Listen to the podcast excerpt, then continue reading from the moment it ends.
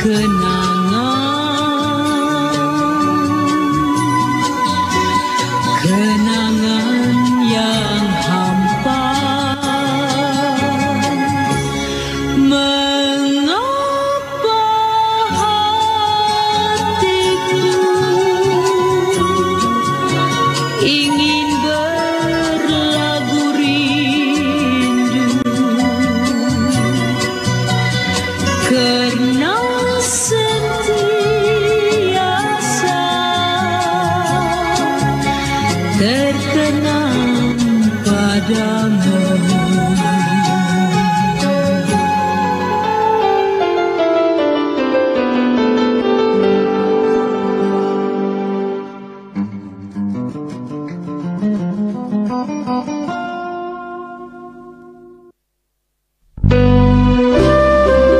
Tiga FM LPP Radio Suara Madiun semakin hari semakin padat informasi. Halo apa kabar sahabat Suara Madiun? Dan jumpa lagi di malam hari ini di hari Rabu di 19 Februari tahunnya 2020 di program acara Dialog TIK ya. Dan seperti biasanya kalau hari Rabu ini kita dialog bersama dengan rekan-rekan atau juga narasumber kita di malam hari ini. Dan semoga di malam hari ini semua mendapatkan berkah dan juga semuanya sehat selalu ya Mas. Oke, dan di malam hari ini uh, kita masih membahas kemarin tanggal 11 itu adalah eh, hari aman internet sedunia atau Safer Internet Day ya. Dan di malam ini ada narsum kita, ada Mas Agus, selamat malam. Malam. Ya, dan juga ada Mbak Arin, selamat malam juga. Selamat malam. Dan juga ada Mas Yosep. Iya, selamat, malam. Selamat juga. malam. Ya, kabar sehat semuanya ya. Alhamdulillah. Alhamdulillah sehat. Alhamdulillah. Iya. Dan untuk mengawali jumpa kita di malam hari ini, ini Mas Agus ya. Kalau bicara masalah internet ya, jadi kita membahas masalah yang dulu, karena internet itu kalau zaman kita dulu tidak seperti yang canggih sekarang ini ya. Betul, betul. Eh, jadi kalau kita dulu biasanya hanya hanya SMS, Ya. sekarang itu luar biasa sekali. Nah, makanya Dulu masih ada apa? itu MIRC Oh. eh, chatting ya sekarang sudah tergantikan dengan WA. Iya, dulu pertama kali saya masih ingat namanya pager. Oh. Ingat enggak pager itu itu nanti ada SMS. Nah, nanti ini setelah ini kita di era digital ya. Iya. Jadi di empat ke mana ini sungguh luar biasa sekali. Jadi pemanfaatnya internet itu sangat luar biasa sekali. Jadi tanggal 11 kemarin diperingati Hari Internet Aman Sedunia. Nah, tidak juga di Indonesia di Madiun juga. Ini kita sudah melakukan roadshow ya ke Hmm. beberapa sekolah di mana kita ini membahas bagaimana menggunakan internet itu secara aman kepada adik-adik kita yang ada di sekolah di SMP dan juga SD ya dan Iya. juga di kelurahan. Nah, berkenaan dengan ini uh, mungkin Mas Agus apa bisa sedikit bercerita itu bagaimana sih uh, tujuannya atau mungkin upayanya atau mungkin sasarannya seperti apa Eh, dulu? Kalau saya mending ke Mas Yosef Oh aja. langsung ke Mas Yosef Iya, ya pelakunya ya. Anu, core of the core Oh iya kan beliau. benar. Karena eh, ya boleh boleh boleh. Karena beliaunya yang benar-benar uh, yang anu ya, intens ke yang intens ke sana ya. Iya. Oh, saya kira jadi dari beliau dulu Oh, apa jangan. oh jangan ya. Saya nanti tukang bully aja. oh, atau mungkin bertanya dulu atau saya nanti bertanya belakangan ya. Monggo Mas Yosef. Kalau bicara tentang server internet desk, kebetulan eh, di Madiun kita udah ngadakan itu dari tahun 2013. Hmm. 2012 2013 lah. Cuma waktu itu awal-awal 2012 2013 eh, kami ngadakannya di sebuah kelas yang kecil di eh, kelas eh, MIT Baktibu. Saya ingat waktu itu MIT Baktibu eh, 2013 2000 itu ya. Kemudian di 2014 kita di eh, Mindemangan. Hmm. Eh, 2015 kita udah mulai roadshow sayap. roadshow Mm-mm. dalam satu hari kita eh, tiga eh, empat tempat. Empat Ya, tempat ya. eh, lokasi. dalam satu hari jadi pagi jam 8 sampai jam 10 kita di Mindemangan Hmm. terus eh, jam 10 sampai jam 12 di eh, MTS negeri Kuncen Hmm. kemudian kita lari ke SMK Cendikia waktu itu masih di atasnya STT Dharma Iswara Oh ya ya. Oh, ya. jadi itu Masih jam tahun dua- yang lama jam ya. 1 sampai jam 3. Kemudian malamnya kita ketemu dengan perwakilan BEM. Hmm. Itu tahun 2015. Mm-mm. Terus 16 kita eh, turun tensi ya. kita hanya melayani satu sekolahan waktu itu. Eh, 17 mulai banyak lagi yang kita ini termasuk mulai gandeng Dinas Kominfo. Oh. iya. 2017 kita mulai dengan Dinas Kominfo itu perwakilan OSIS se. Kota Madiun SMP hanya SMP saja waktu itu kita menggunakan sistem simulasi jadi kita gunakan sistem simulasi modelnya seperti ini jadi ada kartu status nah kita mintakan ke teman-teman itu eh, membacakan mana yang layak menjadi status, mana yang tidak. Nah, jadi kayak gini. Nah, ini kan ada nih. Nah, kita minta satu-satu maju ke depan, dibagikan kartu seperti ini. Oh. Eh, mana yang boleh, mana yang enggak. Karena kita membicarakan tentang bagaimana eh, rekam jejak digital itu tidak boleh apa enggak serta merta hilang seperti itu. Jadi kita diajak eh, ini menggunakan simulasi seperti ini eh, itu memang makan waktu yang agak lama. Eh, untung waktu itu kan dinas kominfo di ruangan 13 itu agak sabar gitu lah. Nah, habis itu di di eh, sesi yang ketiganya baru kita latih membuat eh, apa konten. Nah, waktu itu yang ngisi Mas Anang Safroni. Tuh. Kemudian eh, tahun 2018 eh, eh, kita lebih ke ke masyarakat lagi seperti ke SD Kristen Petra. Di sana kita ketemu dengan eh, komite sekolah dan orang tua. Kita menemukan banyak temuan waktu itu.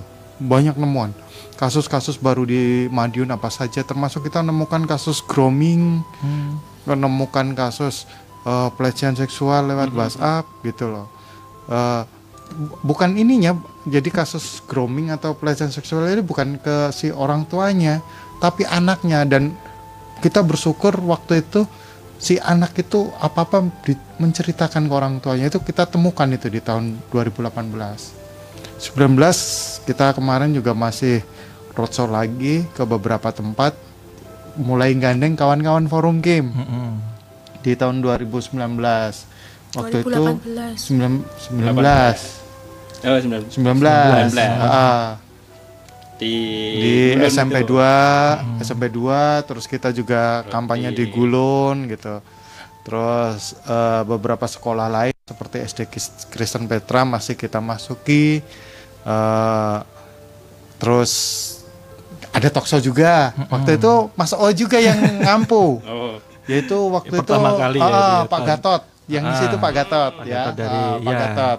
Mbak Esther juga ikut waktu itu. Ah, ah. terus eh, kita juga ada eh, tentang keamanan bertransaksi. Waktu Mas Firman yang kita minta untuk ngisi. Dan tahun ini eh, kita nawarkan kolaborasi yang lebih luas lagi. Mm. jadi siapa yang mau ikut berkontribusi silahkan. Nah, ya itu. Akhirnya kita masuk ke banyak sekolah. eh, ya kita sadarilah jaringan saya, jaringan teman-teman forum game, jaringan Mbak Arin, jaringan eh, Mas Agus kan masing-masing punya sendiri-sendiri Iya, benar. gitu. Kayak mamanya jaringan eh, SMP 1 kan jelas eh, Mbak Arin gitu. SMP 2 kebetulan Siapa? saya mamanya perpustakaan kebetulan saya dinas kominfo kita kita tahu semua gitu. Jadi kita mulai di tanggal 11 itu rangkaian kegiatan itu. Jadi tanggal 11 itu kita mulai di seminar nasional Mm-mm. itu eh, tentang masalah smart city dan apa eh, membangun ekosistem melalui smart city untuk generasi yang baik gitu Eh, kita berpikirnya itu bahasanya eh, apa yang diselaraskan yang akan dilakukan oleh Pak Walid tentang smart city ini adalah upaya membangun ekosistem untuk generasi emas Nah, generasi emas itu eh, generasi usia produktif. Oh, Iya. generasi produktif yang kita kenal eh, bonus demografi. Oh, bonus demografi iya. di mana nanti sekitar 5 sampai 10 tahun yang akan datang itu generasi angkatan kerja produktifnya lebih banyak dibandingkan yang non produktif. Nah, yang masih kit- yang masih dipikirkan oleh pemerintah adalah ternyata dikhawatirkan adalah peluang peluang kerjanya itu tidak sebanyak itu. Sementara teknologi sudah sudah banyak mengubah kehidupan kita. Tuh, makanya kemarin tanggal 11 sudah ada seminar nasional itu narasumbernya eh, eh, Profesor eh, Marsudi. Kemudian di hari kedua kita ada workshop untuk teman-teman OSIS. Eh, itu ada workshop eh, ya menjadi eh, produser konten. Ya, kita katakan produser konten bukan sebagai YouTuber. Tapi produser konten. Jadi tahu konsep gimana mau eh, membuat tujuannya seperti apa dan sebagainya. Eh, itu kita minta Mas Agis, eh, salah satu anggota relawan TIK dari Komisi Rakyat Kecamatan Sawahan, Kemudian eh, untuk eh, kelas berikutnya adalah eh, medsos untuk eh, pemasaran. Nah, jadi eh, bahasa medsos untuk pemasaran kan kebetulan ternyata banyak itu antusiasnya, antusias anak-anak SMK yang ternyata udah punya usaha sendiri, Mas. jadi Berarti itu tidak salah sasaran ya Mas? Iya, Mas jadi Yosef ternyata ya? kita nggak terlalu se, se, se- ini mah ternyata anak-anak anak-anak muda sekarang sudah memikirkan wirausaha. Buka usaha dari internet Oh, itu tadi ya. Iya. Ya, k- Kita menemukan itu malah kita kan akhirnya eh, lebih semangat lagi kalau tahu banyak orang-orang potensial seperti itu gitu. Kemudian di kelas berikutnya itu podcast. Kebetulan yang eh, ngampu saya gitu. Jadi kalau mama yang podcast kan eh, kita tahu kalau kanal radio itu terbatas. Oh, oh, izin frekuensinya Ya, terbatas benar. dan potensi orang untuk menjadi uh, broadcaster itu eh, terus banyak lah kurang lebih potensi-potensi seperti itu kita pengen eh, mulai jangan patah arang terus eh, kita tidak berkesempatan untuk jadi penyiar terus bikin radio gelap gitu loh ya. Ya, kita arahkan ke podcast itu. Setelah selesai acara podcast itu baru saya gambarkan ini loh potensi untuk bisa dapat uangnya gitu. Jadi yang penting mereka setelah pada setor apa konten. konten ya latihan kontennya baru di situ. Baru setelah itu hari berikutnya SMP eh, di SMP 2 kebetulan kita ngajak juga eh, forum Kim. Eh, eh, kita bagi tugas waktu itu. Saya hanya membicarakan tentang masalah eh, konsep-konsep eh, literasinya saja terkait masalah bagaimana kita aman di eh, dunia digital terutama untuk kaum remaja.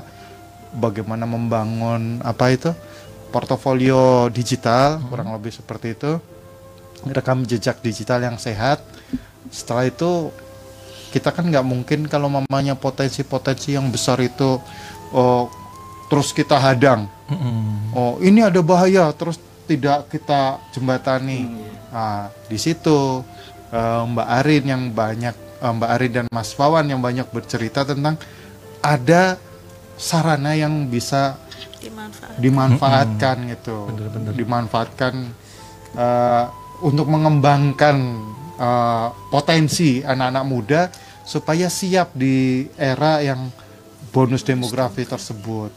Ya benar-benar gitu di Madiun potensi ini malah menjadi eh, keuntungan buat buat kita. Peluang itu menjadi eh, kekuatan. Jadi kekuatan. Peluangnya itu jadi kekuatan bukan malah jadi ancaman. Harapannya kayak gitu. Mungkin Mbak Arin yang lebih paham, Paham tentang ya. eh, eh, yang yang mana Yang itu yang itu ya. yang Yang itu? fasilitas iya, itu gitu loh Dan ini kalau sahabat sahabat ini yang sering mendengarkan di siaran kami di hari Rabu atau juga yang sering melihat di fanpage pemerintah Kota Madiun di hari Rabu ya. Kalau Mas Yosef ini boleh dikatakan dia adalah relawan TIK. Ada Mbak Arin ini adalah Ketua Kim Anyelir Kejuruan Kota Madiun dan juga Mas Agus ini adalah uh, Ketua Forum Kim ya sekota Madiun juga ya. Jadi tidak salah juga kita hari ini mengundang mereka semuanya Mas ya. ya Jadi terkait dengan Internet Day kemarin kita Betul, juga betul. sudah Langsung roadshow ke mana-mana ya. narasumbernya langsung Mas. Gih, ini eh, memang tadi seperti yang dibilang Mas Yosep di depan memang eh, ke depan itu apa eh, pola pikir dan pola ke- eh, kerja itu sudah nggak sama lagi. Beda ya Mas ya, benar ya. Kalau dulu mungkin cita-cita kalau kita ditanya cita-citanya apa polisi, Heeh. tentara. Nah sekarang Dokter sekarang YouTuber. Hmm, sekarang youtuber nah. Iya. Cuma lucu gini, dia. tadi saya sempat eh, dari Mas Yosep tentang demografi. Ini kebetulan saya juga lagi buka ini Mas Yosep. Eh, dampak internet ancam bonus demografi Hmm. yang diterbitkan oleh antara news ya. Nah ini kiat-kiatnya nih, kiat-kiatnya untuk apa teman-teman kaula muda, termasuk juga server internet di kan kemarin juga Iya. salah satunya adalah itu gitu nggih. Mungkin bisa jelaskan sedikit tentang apa eh, bonus demografi, kemudian apa sih yang bisa dilakukan oleh kita lah nggih, sebagai orang tua atau mungkin sebagai relawan untuk ya sedikit eh me- apa ya, me- menuju ke jalan lurus gitu ya. Ke jalan yang benar ya. itu kan eh, gambaran tentang bonus demografi itu adalah gambaran ketika usia usia usia eh, pra pra produktif itu saat ini besar potensinya. Iya. dan diperkirakan di tahun 2020 dan 2030 eh, itu adalah masa-masa emasnya gitu loh masa-masa emas. Eh, kita kan nggak terus bilang itu sebagai ancaman. Lebih baik kita ngomong itu adalah peluang, Peluang, gitu. Makanya iya, kita peluang. bilang generasi emas. Eh, makanya eh, kenapa eh, teknologi informasi itu bisa mengancam? Adalah ketika generasi muda kita itu tidak kemudian eh, memanfaatkan teknologi informasi itu eh, secara cerdas, kreatif dan produktif gitu lah yang biasa bilangin ah, Kim Kejuron, Kim Kejuron cakap, Cerdas, kreatif, produktif. Iya, itu salah satu sebuah mereka ya. Iya. Jadi eh, banyak yang kadang-kadang hanya sebagai peniru. Nah, kemarin Mbak Arin udah sampai kayak kampanye beneran. Adik-adik jangan sampai ngikutin seperti yang di medsos itu yang lompat, Iya. nah, ya, terus dijegal. Yang terbaru Nah, Mas Yosef Kenapa? ya. Ah. Generasi anak-anak muda masih saat ini Peniru. masih peniru Ah, benar. seharusnya itu sudah mulai eh, sebagai aktor gitu ya. Hmm. Makanya eh, kita pernah pas lagi tahun tahun kemarin, Hmm. nah, tahun kemarin ketika di SD Kristen Petra itu bilang, "Lah ini kasus ketika anak-anak kecanduan game gimana solusinya?" Mm, mm, mm. Eh, kalau mamanya kecanduannya belum akut, ya, Hmm. ka- kalau akut Akut.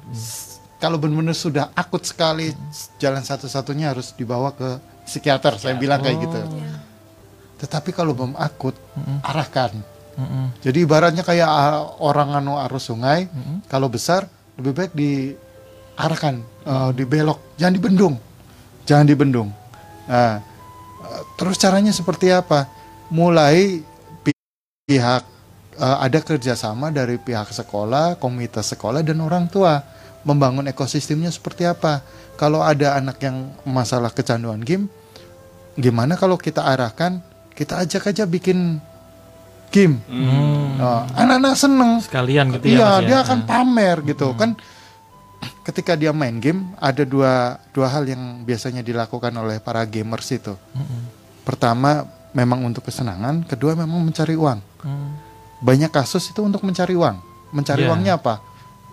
Saya mau bolak balik itu ketemu kasusnya ngomongin eh, dapat duit dari jualan senjata. Nah, Oh. dari jualan custom pokoknya eh, iya ya Padahal tuh dari game ya? Item. Nah, Eh, kalau eh, item-item iya. itu. item-item Oh, Eh, iya, item-item itu ya. ada yang kayak gitu. Tapi saya bilang kayak gini. Eh, kamu jual harga berapa? 150.000 ribu. Hmm. ngabisin internet kamu berapa? Eh, Iya. saya bilang kayak gitu. Eh, dipikirnya adalah ketika dia jual uang itu bisa untuk biaya internet lagi gitu loh. Oh, iya. saya, saya bilang itu yang konyol. Ya saya, saya bilang gitu. Ya ya, saya bicara sama anak anak SMP SMA kan saya bilang kayak gitu. Itu yang konyol. Konyolnya apa?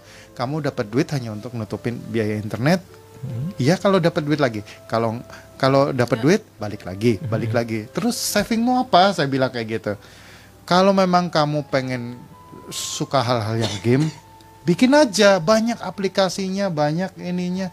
Dan itu udah bukan cara yang susah, gitu.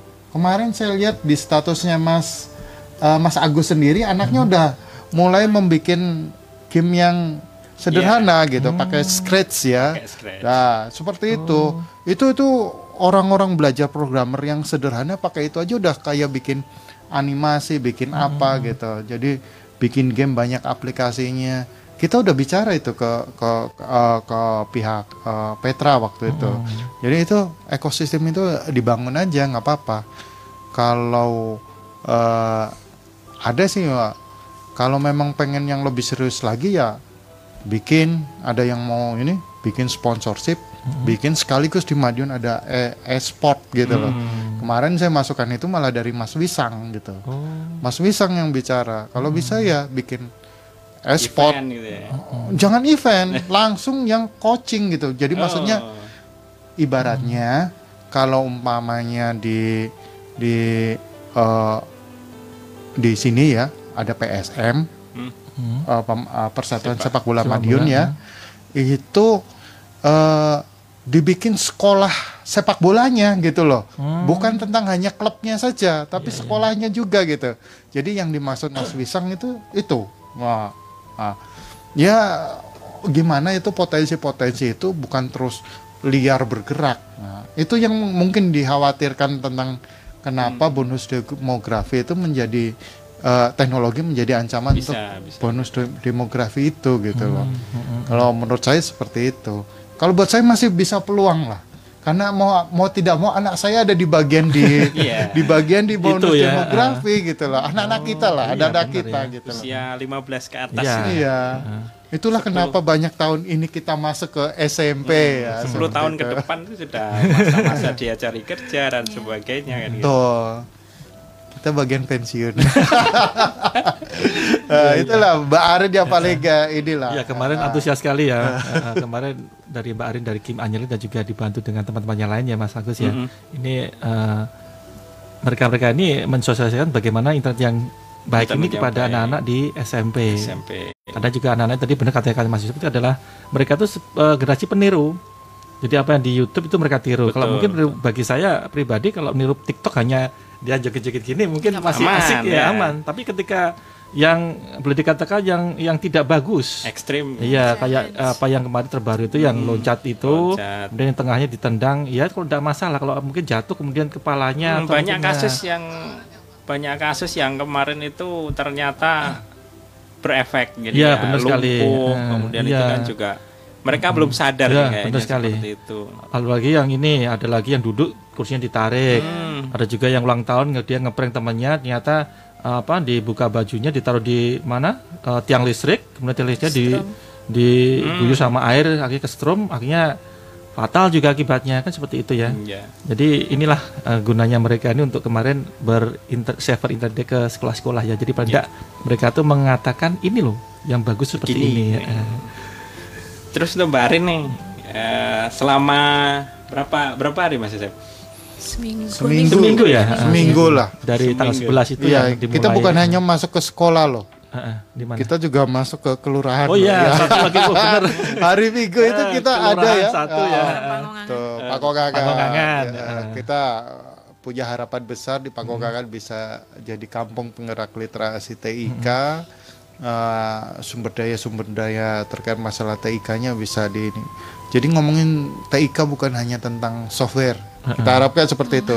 Banyak orang keliru ngomongin smart city itu software. Bolak-balik Oh. Profesor Marsudi Marsudi ya. dan Pak Tony bolak-balik bilang seperti itu. Kita bimtek empat hari, eh, empat kali ya, Empat kali. empat kali bimtek, empat eh, termasuk ikut menyusun apa Draft. eh, draft buku eh, uh, city. master plan ya, master plan smart city itu bolak-balik dibilang bahwasanya sm- smart city bukan hanya software. Jadi ketika kemarin ada uh, perwakilan akademisi bilang smart city adalah software ya kita malah balik lagi ke ke bimtek Awal lagi. hari pertama gitu. iya seperti itu. Jadi lebih ke ke ke manusianya. Makanya pas lagi kita di uh, di kelompok apa? Smart Society ya Smart Society. itu yang dari ITS malah memperkenalkan tentang society eh, 5.0 yang versinya Jepang. Hmm. Ah, Oh. Pak Pak Latif ya. Ah, ah, tuh. Untuk Mbak Arin nih selama seminggu lelah enggak? Lelah sih lelah. Lelah ya. tapi tapi mungkin terbayar Mas Agus ya Iya. karena senang sekali Senang. juga ya. Dalam arti eh, itu juga menjadi suatu pembelajaran buat diri saya sendiri. Nambah pengalaman, nambah temen. Terus apa? eh, kalau hasilnya itu ada, anak-anak juga apa? Itu bikin senang gitu loh. Itu tidak terbayarkan. Tidak. Priceless ya. priceless itu Iya, benar-benar benar. priceless jadi istilahnya itu kalau saya ke mana gitu jadi dikenal Hmm. jadinya berarti kan apa yang sudah saya sampaikan itu kan masuk Masuk. ke mereka gitu terus kapan kak mau ke sini lagi kapan kak mau ke sini lagi aduh ini Tinggal ngatur jadwal aja. Banyak banyak tawaran ya. Banyak tawaran dari dari ini ya. Sebenarnya banyak tawaran yang masuk makanya mungkin eh, nanti kan sudah ada apa istilahnya kita sudah mempunyai wadah kita sudah mempunyai base camp dari forum Kim sama RTIK jadi itu nanti kita bisa istilahnya berkoordinasi dan kita bisa memberdayakan rekan-rekan Kim yang lain untuk bisa ikut bergabung dengan kita. Sebenarnya ya kita nggak kurang-kurang menawarkan ke mereka ayo gabung ayo gabung. Tetapi mungkin kesibukan juga yang tidak bisa membuat mereka untuk bergabung dengan Iya, kita tapi termasuk saya juga sibuk. Ya. Iya. Jadi insya Allah nanti ke depannya dengan adanya fasilitas yang sudah seperti itu bisa menambah apa istilahnya eh, Ilmu ya. ilmu terus nanti kan anak kita nggak nggak nggak datang ke sekolah-sekolah anak-anak itu juga nanti yang bisa datang ke Oh, benar Tempatnya ya. sih. Jadi tempatnya yang sudah disediakan ya. iya Dan ini mungkin ini Mbak Arin ya, kita juga buka kesempatan untuk para penelpon yang ada di rumah Iya. dan juga para penonton di fanpage uh, pemerintah Kota Madin ya. Iya. Ini di 461817 ini nomor teleponnya dan juga di uh, nomor WA-nya di 081 556 451 817 ya. Jadi bisa nanti ber uh, ngobrol mungkin juga dengan Mbak Arin. Tanya-tanya gitu. Uh, atau Jangan tanya saya. Jangan yang lain. oh, kali ini enggak ya, Mas? Mas Agus enggak ya? Dia bagian tanya. Siapa yang tanya? Berarti jobnya ganti deh. Iya. Kita sedang di sidang ini. Kenapa? Oh ya. Nanti uh, ke, ke Mbak Arin ya, Mas Agus ya. tanya kuncinya dulu Oh tanya dulu apa? Oh jangan, itu nanti rahasia dia. Nah, kan ditanya-tanya eh, kalau Mbak Arin tadi eh, dari kemarin ya sudah kegiatan satu minggu penuh itu sebenarnya tujuannya apa sih kalau kalau apa di anak-anak atau mungkin eh, sudah pe- penemuan dari dari Mbak Arin teman-teman ini Atau menyalurkan hobi barangkali ya. eh, mungkin seberapa parah tapi apa ya tidak terlalu Temuan-temuan. temuannya ya Dari Kalau- adik-adik anak-anak sekarang di di di Madiun ya tentunya ya. sebenarnya kalau temuan belum ada cuma Mm-hmm. kemarin waktu di Petra itu tanya "Eh, apa yang sudah dapat didapat capek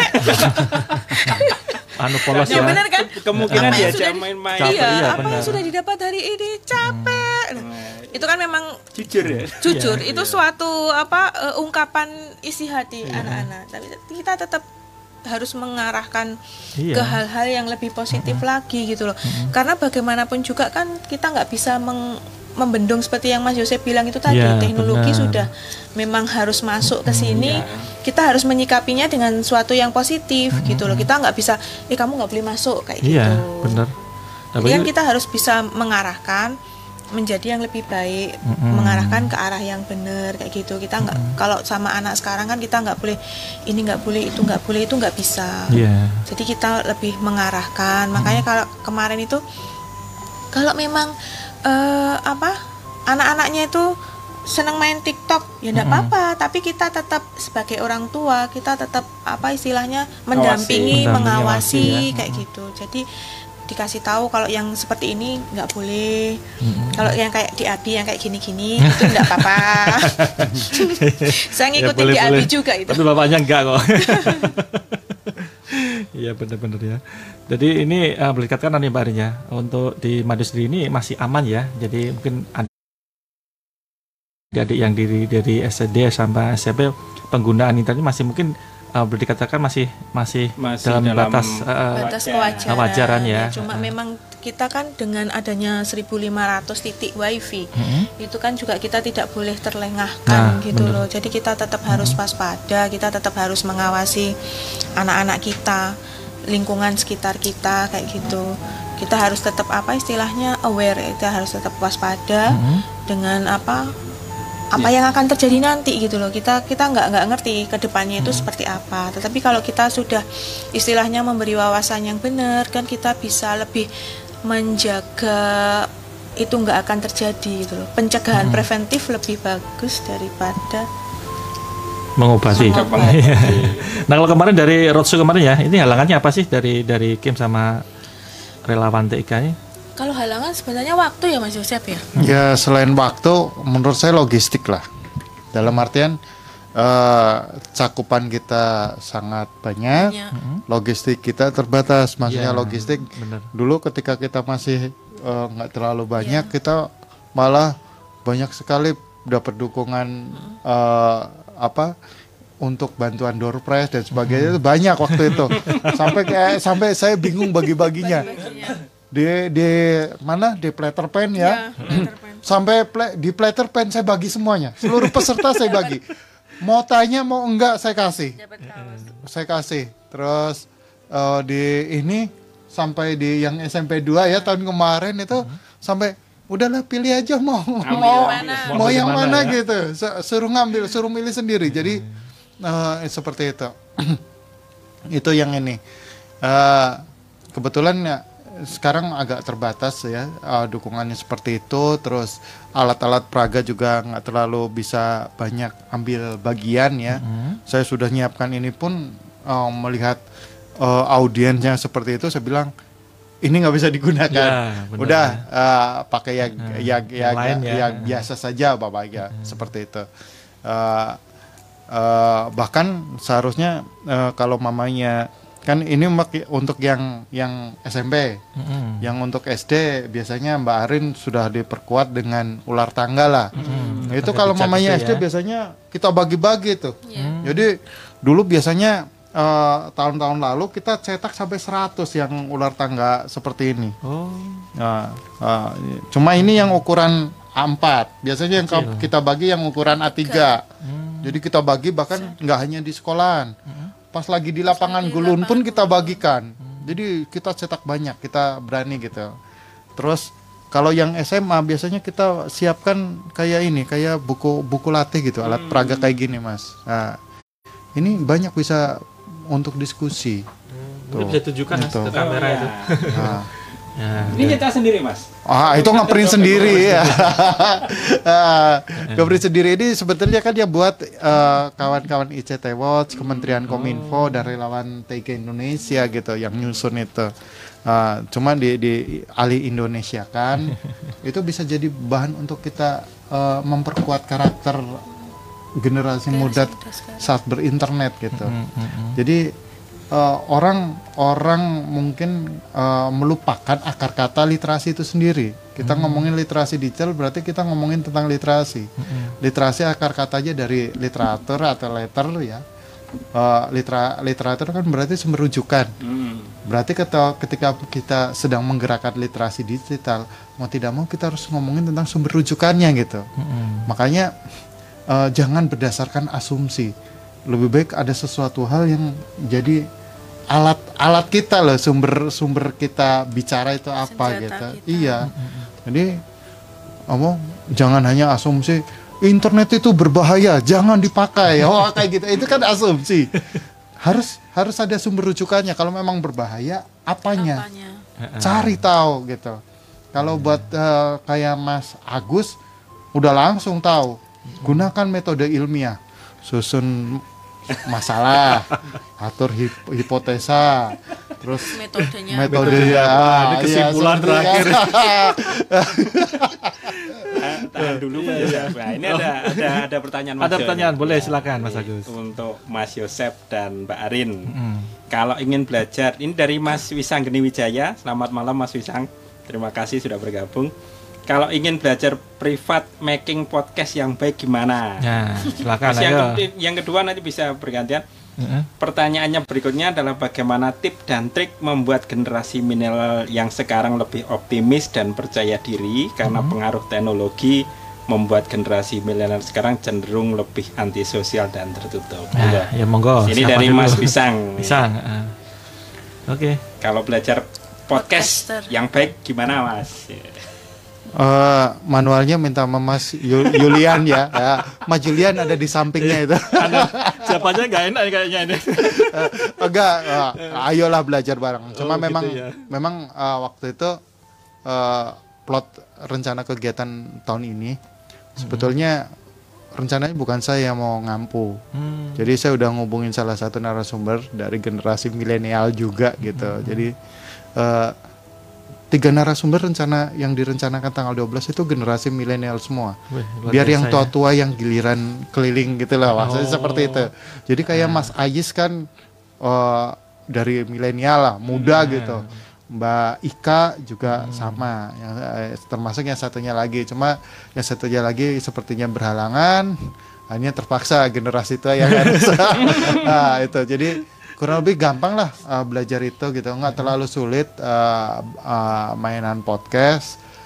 Eh, waktu itu kita tawarkan eh, ke teman-teman yang di kelas itu saya bilang kayak gini eh, potensi podcast di eh, di masa depan cukup cukup bagus, saya, Bagus ya, saya bilang kayak gitu. ya. Ah, ah. karena apa? Ngelihat trennya di di di kota-kota besar sudah sudah sudah sudah banyak gitu loh. Ah, bahkan beberapa youtuber udah banyak yang pindah. Maksudnya menduplikasi kontennya di podcast. Ah, ah, menduplikasi kontennya di podcast. Kemudian ah, software yang kita gunakan pun aplikasi yang kita gunakan pun eh, sudah sangat eh, apa ya eh, marketable gitu. Marketable maksudnya kita menggunakan satu aplikasi tapi aplikasi itu akan memasarkan, mendistribusikan secara otomatis. Gratis mas, gratis. Gratis. Gratis. Jadi Kami ya, menggunakan Anchor. Nah, kami menggunakan Anchor. Jadi oh, saya berkenalan dengan Anchor pun eh, gara-gara literasi TIK berangkat ke WSIS gitu loh. Jadi kita uploadkan semua konten-konten kita, kita duplikasi untuk di sana. Jadi eh, k- kalau prinsip kami di relawan TIK bukan tentang membaca tren tetapi bagaimana sebuah konten bisa terdokumentasi secara digital. Ah, itu menggunakan Anchor, be- direkamnya di Anchor, nanti dia akan terdistribusi ke Spotify, Langsung. langsung ke Google Podcast, terus ke podcastnya Apple gitu kan. Ber- Berarti kan udah satu aplikasi sudah terdistribusi. Kalau mamanya kita masih menggunakan, eh, mamanya maaf, kita menggunakan aplikasi yang lain, kita masih marketingan sendiri. Mhm. kan? Kalau mamanya kita menggunakan Instagram mamanya marketingannya pun masih sendiri belum otomatis seperti itu. Terus pakai YouTube juga kita masih ini Iya. ya eh, seperti itu. Jadi eh, apa? Eh, lebih mudah lah yang podcast itu jadi eh, eh, kalau mau belajar sendiri manualnya ada di Mas Julian itu lah minta aja sama Mas Julian Oh, siap. Eh, Mas Ferry gitu. Tapi eh, kalau masih bisa mau belajar eh, bareng, eh, kita bisa buka kelas baru lagi. Eh, eh, minimalnya berapa orang, Mbak? Se- Sepuluh 10 ya? sampai Ah, 12. 10 atau 11 atau 20 lah ya. Ya 20 Ah, ah, maksimal. 20 minimal 10 maksimal 20 kita bisa belajar kelas yang lebih intens lagi. Tentang dari pagi sampai sore mamanya oke gitu loh. Kalau kemarin kan kita terbatas oleh waktu dua jam kurang lebih seperti itu. Jadi kita hanya prinsip-prinsipnya aja. Kalau saya itu dua jam keluar ruangan sudah lupa. tapi kalau generasi muda Oh iya, sekarang lebih-lebih anu, lebih ini. malah mereka kadang malah mereka kita malah mungkin yang generasi tua malah nggak ngerti ya. Mm-mm. Jadi Iya. ya itulah jadi hebatnya generasi yang sekarang ini ya. Nah. Makanya gunanya praktek, eh, apa praktek dari mereka-mereka ini sangat lanting eh, perlu digunakan juga ya. Ya. Ya dan ini kita juga membuka kesempatan untuk para pendengar Radio Suara Madiun dan juga pemirsa yang ada di fanpage pemerintah Kota Madiun ya. Silakan nanti telepon di 46817 atau juga melalui WA di 081 556 451817 bisa bertanya kepada narasumber untuk hari ini ya. Ya, masih di Mas Wisang ini masih satu lagi tadi. Eh, ini ke Mbak Arin aja deh. Oh, Mbak Rin. Ah. Eh, Mbak Arin. Mbak Arin ya. Mbak Arin ini eh, dari Mas Wisang eh, pertanyaannya tips dan triks ya untuk generasi milenial yang sekarang itu cenderung antisosial dan tertutup ini gimana? Eh, tipsnya ya. Karena Mbak Arin kan pernah milenial juga ya. Pernah, tapi milenial dia mungkin yang mana mungkin ya? belum belum milenial banget ya. tapi paling nggak pernah gitu ya. pernah. Saya kira ya. kembali ke keluarga. Kemudian apa eh, kita berusaha menyeimbangkan antara eh, kegiatan yang bermain gadget sama kegiatan yang secara fisik, secara fisik. Fisik, ya. Jadi memang harus ada aturan-aturannya yang harus dipahami, harus dipatuhi. Dalam keluarga pasti mereka mempunyai aturan-aturan tersendiri dan setiap keluarga itu pasti kan berbeda-beda. Dan kebetulan kemarin kita juga dari Kim Anyeler juga meng- apa istilahnya me- apa mensosialisasikan Ah, oh, sosialisasikan. hmm. program 1821. Nah, di situ kan seperti yang eh, sudah dari surat edaran juga diusahakan Mm-mm. di jam 6 sampai jam 9 itu kita puasa gadget. Iya, kayak benar. gitu. Mm. Dan kita ganti dengan aktivitas-aktivitas yang real, aktivitas misalnya bercerita dengan keluarga. Kita ajak aja anak itu untuk bercerita ke orang tua. Mm-mm. Karena selama saya berkeliling dari tahun 2019 hingga kemarin itu kalau sebenarnya kalau anak-anak itu ditanya simple aja sebenarnya. Pulang sekolah ibunya pernah tanya nggak di sekolah tadi ngapain? Ngapain? Ah. Sudah apa? Apa yang sudah didapat di sekolah? itu aja mereka nggak Jarang. jarang. Jadi ibunya itu paling berangkat ngantar nanti jemput lagi kayak gitu. Nah, Rutinitas setiap hari gitu ya. ya memang kita juga nggak bisa apa istilahnya nggak bisa memang kesibukan orang ya itu tadi kesibukannya kan berbeda-beda tetapi bagaimanapun juga kita harus tetap berusaha. Semua itu berawal dari hal yang kecil yaitu di sekitar kita sendiri dari lingkungan dari keluarga. Saya kira kalau dari keluarga itu yang paling tips yang paling karena itu kan bisa membangun apa suatu emosi. Suatu emosi dengan anak dengan- karena bagaimanapun juga kan anak pasti tembusnya kan atau ibu tembusnya kan, kan ke anak juga kayak gitu Iya. Baik ini ini masih oh, ini hanya menyapa aja mas. Mm-mm. Mas oh dari Abrur Cakra Bro, Bro, Borti Ya, Majalengka hadir lalu Majalengka dan Tuh juga Majalengka. dari Atila Kurt Happy birthday my love. Oh, ada yang ulang tahun ternyata. Oh iya. Habis siapa ini- sih ulang tahunnya? Siapa ya? Eh, siapa Yang ya? mana ya? Yang mana ya Mas? Mana? Mas Yusuf yang mana Mas Yusuf? Habis ini ngebakso. Oh, Mas sudah oh belum ya? Rawon, rawon. rawon. Oke, terima iya. kasih ya, Oke. untuk ma, untuk uh, Bro Cakra Borti dan Atila Kurt. Ma, terus ikuti ke eh, literasi TIK malam hari ini. Eh, ini terkait tadi eh, Ma, dari Mbak Ari tadi memang eh, hal yang kecil itu bisa eh, ber- berefek besar. Besar benar sekali. Mas, Termasuk ya. eh, kalau saya boleh sharing ya, Heeh. eh, saya sendiri saya punya anak SMP ya, Mm-mm. generasi apa mas? Generasi Z. eh, generasi milenial. Milenial juga, iya benar. SMP kelas 1 itu alhamdulillah sem- s- eh, kalaupun saya tidak yang jemput gitu ya, yang jemput yang jemput eh, bundanya gitu ya. Sampai di rumah masih saya tanya, ada PR enggak? Minimalnya itu aja. Ada PR enggak gitu ya. Kalau enggak ada ya alhamdulillah gitu ya. Artinya bapaknya bisa bisa istirahat Ya. minimalnya itu dia membangun Pak. membangun membangun apa ya membangun eh, emosi sosialnya dia gitu ya.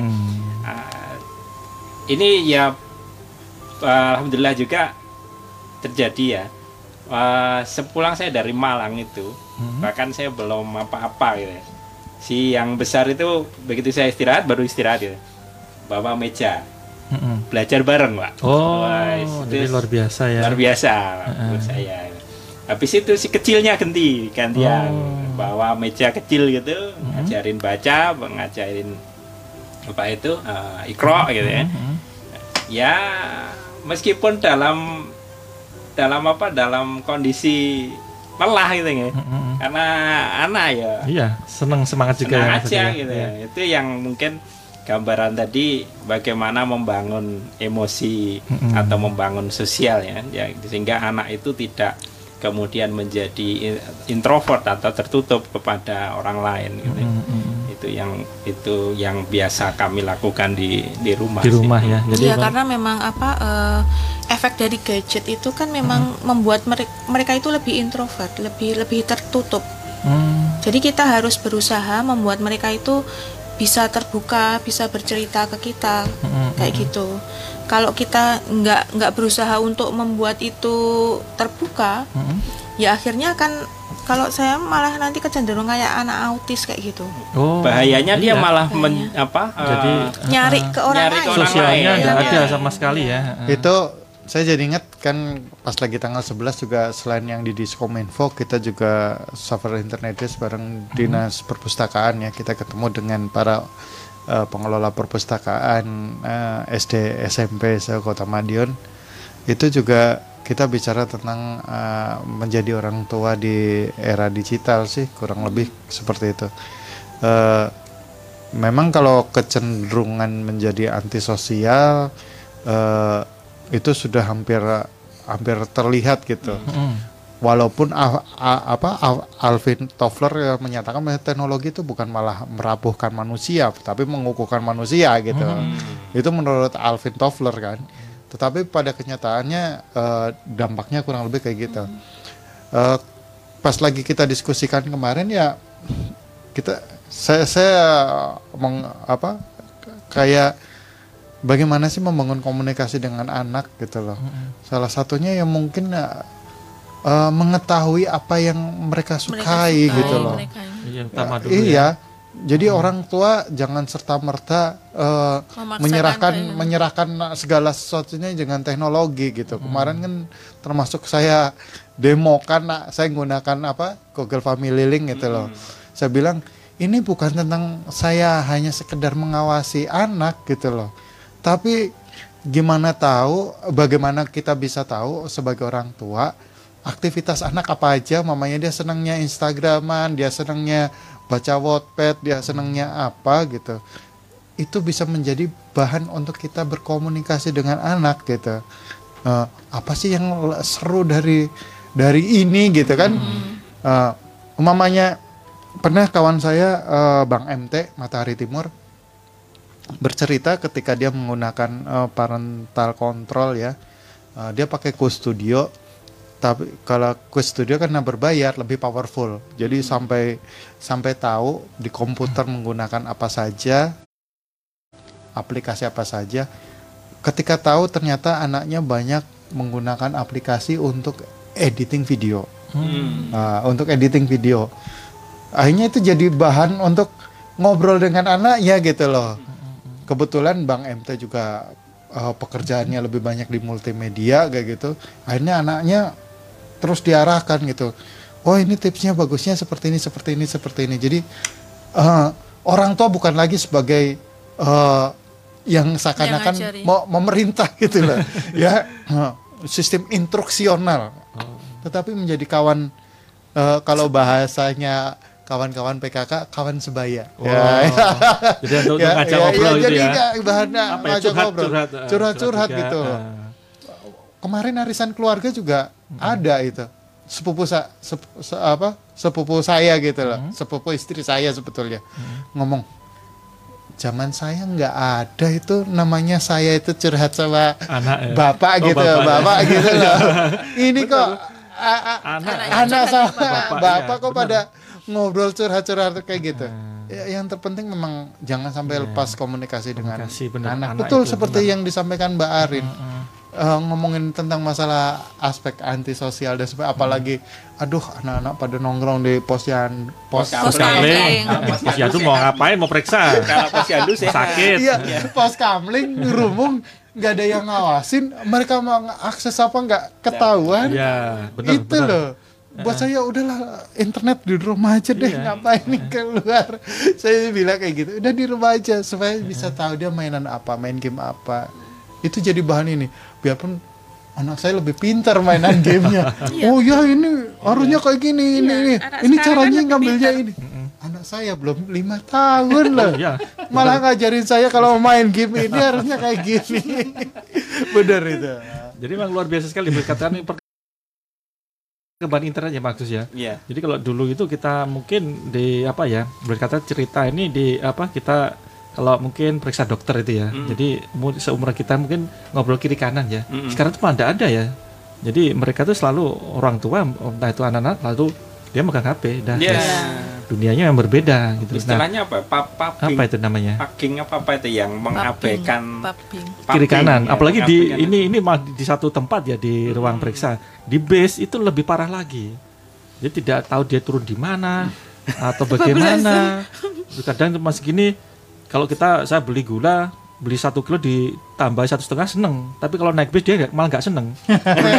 Turun nganjuk dia dibebaskan ke Mojokerto dia malah marah-marah. Marah. ditimbui kan gitu di gitu. Jadi ya kadang itulah salah satu fenomena di mana pemakaian internet ini sangat luar biasa sekali ya dampaknya ya. Jadi boleh kata tadi Mbak Arin tadi saya mengulang tadi eh, 1821 benar sekali ya. 1821. jadi di mana orang tua itu ini tinggalkan apa yang berbau elektronik gadget TV nah ini untuk 3B belajar berbicara dan juga bermain dengan anak-anak Wis keren tadi. Iya. 3B Belajar, belajar, bermain. bermain, berbicara Berbicara. dengan anak-anak. Jadi memang itu proteksinya. Jadi tidak jam segitu anaknya suruh belajar orang tuanya main sendiri. Nah. Sama. Memang harus diseimbangkan antara kegiatan fisik karena sekarang itu kan pulang sekolah les Mm-mm. kayak gitu toh. ya ya ya. Iya. Itu kan ya memang benar kita keluar apa eh, istilahnya keluar rumah les kayak gitu. Tapi itu kan bukan bukan istilahnya bukan bergerak untuk berolahraga untuk yang lebih sehat kayak gitu. Makanya kalau bisa itu semua kegiatan itu diseimbangkan. Jadi eh, mungkin antara belajar dengan kegiatan di luar di luar ataupun di dalam rumah tetapi yang istilahnya menggerakkan motorik kita gitu loh. Diajak nulis kayak gitu kan juga menggerakkan motorik Motor motorik kecil, halusnya motorik gitu halus.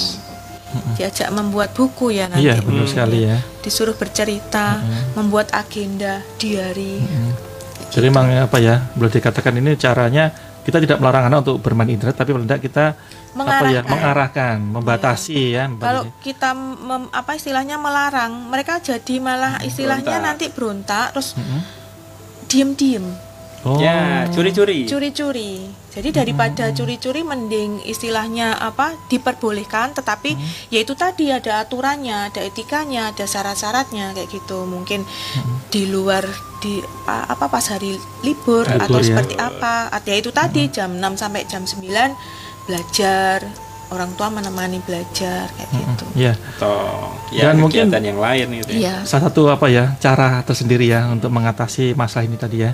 Dan mungkin ini ya kita juga buka kesempatan untuk sahabat Ramadan semuanya yang ada di rumah dan juga yang menonton fanpage fanpage pemerintah Kota Madiun ya. Silakan di 46117 dan juga di WA di 011556451817. Nah, ini ada satu pertanyaan dari Mbak Nani yang ada di Pilang Bango. Ini uh, bertanya pada dua narasumber ini. Dua narasumber berarti Mbak Mas Arin Yosef dan juga Mbak Mas Yosef. kan nggak disebutkan dua narasumber ini tiga. ya. Boleh juga nih. ini dosen pembimbing ini terkait dengan masalah hoax dan juga bullying di medsos. Bullying eh, bagaimana caranya mengatasinya? Kalau bullying itu ada sekarang ada tiga ya. Jadi pertama itu apa nih perkataan, kemudian juga kata-kata, yang satu di media massa, eh media sosial, kok media massa, media sosial. Nah ini bagaimana cara mengatasinya? Silakan Mbak Ari dulu atau Mas Yosef dulu. Saya Ca- cara mengatasi Mm-mm, bullying atau hoax. atau juga mungkin hoax di media massa ya. ya se- kemarin itu kita juga mengadakan apa eh, mengkampanyekan jadi kalau bisa itu memposting sesu- sesuatu tuh yang positif positif saja karena apa karena data yang sudah kita posting itu akan hilang baru akan hilang 20 tahun ya 20 mas ya tahun ke depan. jadi selama 20 tahun meskipun itu sudah kita hapus itu masih ada rekam jejak. rekam jejaknya masih ada. Terus kemudian eh, kita juga mengajarkan kepada adik-adik kita itu apa dan siapa saja yang bisa melihat aktivitas kita. Hmm. Terus menerima pertemanan yang hanya kita kenal. Jadi jangan apa istilahnya asal aksep atau asal menerima pertemanan seperti itu. Ya karena itu tadi kemarin di apa diputarkan video Mm-mm, itu benar. serigala gambarnya Brad Pitt ya mas eh Brad Pitt apa Tom Justin Cruise Bieber. oh Justin, Oh, Bieber Justin, kayak ya, gitu itu. nah itu kan apa eh, apa yang ada di dunia maya itu kan belum tentu yang ada di kehidupan nyata. Iya benar. semuanya itu memang apa bagaimanapun juga kehidupan nyata itu pasti akan lebih indah daripada di dunia maya. Terus kemudian dari dari pengerti apa eh, bagaimana cara kita mencegahnya yaitu tadi kita harus men-setting medsos kita ap- apa akun-akun yang kita punya itu disetting memang untuk kepentingan yang eh, istilahnya untuk positif-positif saja terus tidak keluar dari aturan-aturan yang sudah ada itu aja. Iya. dan kalau kita menerima suatu istilahnya apa itu broadcast ya? Mm-mm. minta tolong disebarkan nah, itu kita juga harus apa dicek dulu kebenarannya. Kalau memang kita kenal dengan narasumbernya itu kita tanya dulu apakah memang berita ini sudah benar atau tidak. Kalau memang tidak kan berarti itu berita hoax. Berarti cukup berhenti di kita saja Oh, kayak ya, gitu. dia, terus kita apa eh, memberi apa istilahnya confirm ke yang kirim ke kita kayak itu ini berita ini hoax kayak gitu loh. Kita sudah kita sudah tahu kalau ini berita hoax. Terus apa ka- sekarang kan sudah ada undang-undangnya juga. Kita juga memberi pengertian itu. Kalau misalnya ini masih disebarkan itu nanti pasti akan membawa masalah Iya. gitu Benar benar benar. Kalau bicara tentang cyberbullying, Ya, cyberbullying. ini cyber- Jadi ya. salah satu ditanyakan oleh salah satunya adalah tadi kalau keperta kalau Ya. perkataan ya, kalau perkataan jelas ya, kita bisa bisa mungkin eh, kita bisa lapor ke orang tua dan sebagainya gitu ya. Kalau kalau memang masih masih bisa di, di apa bicarakan dengan orang tua ya.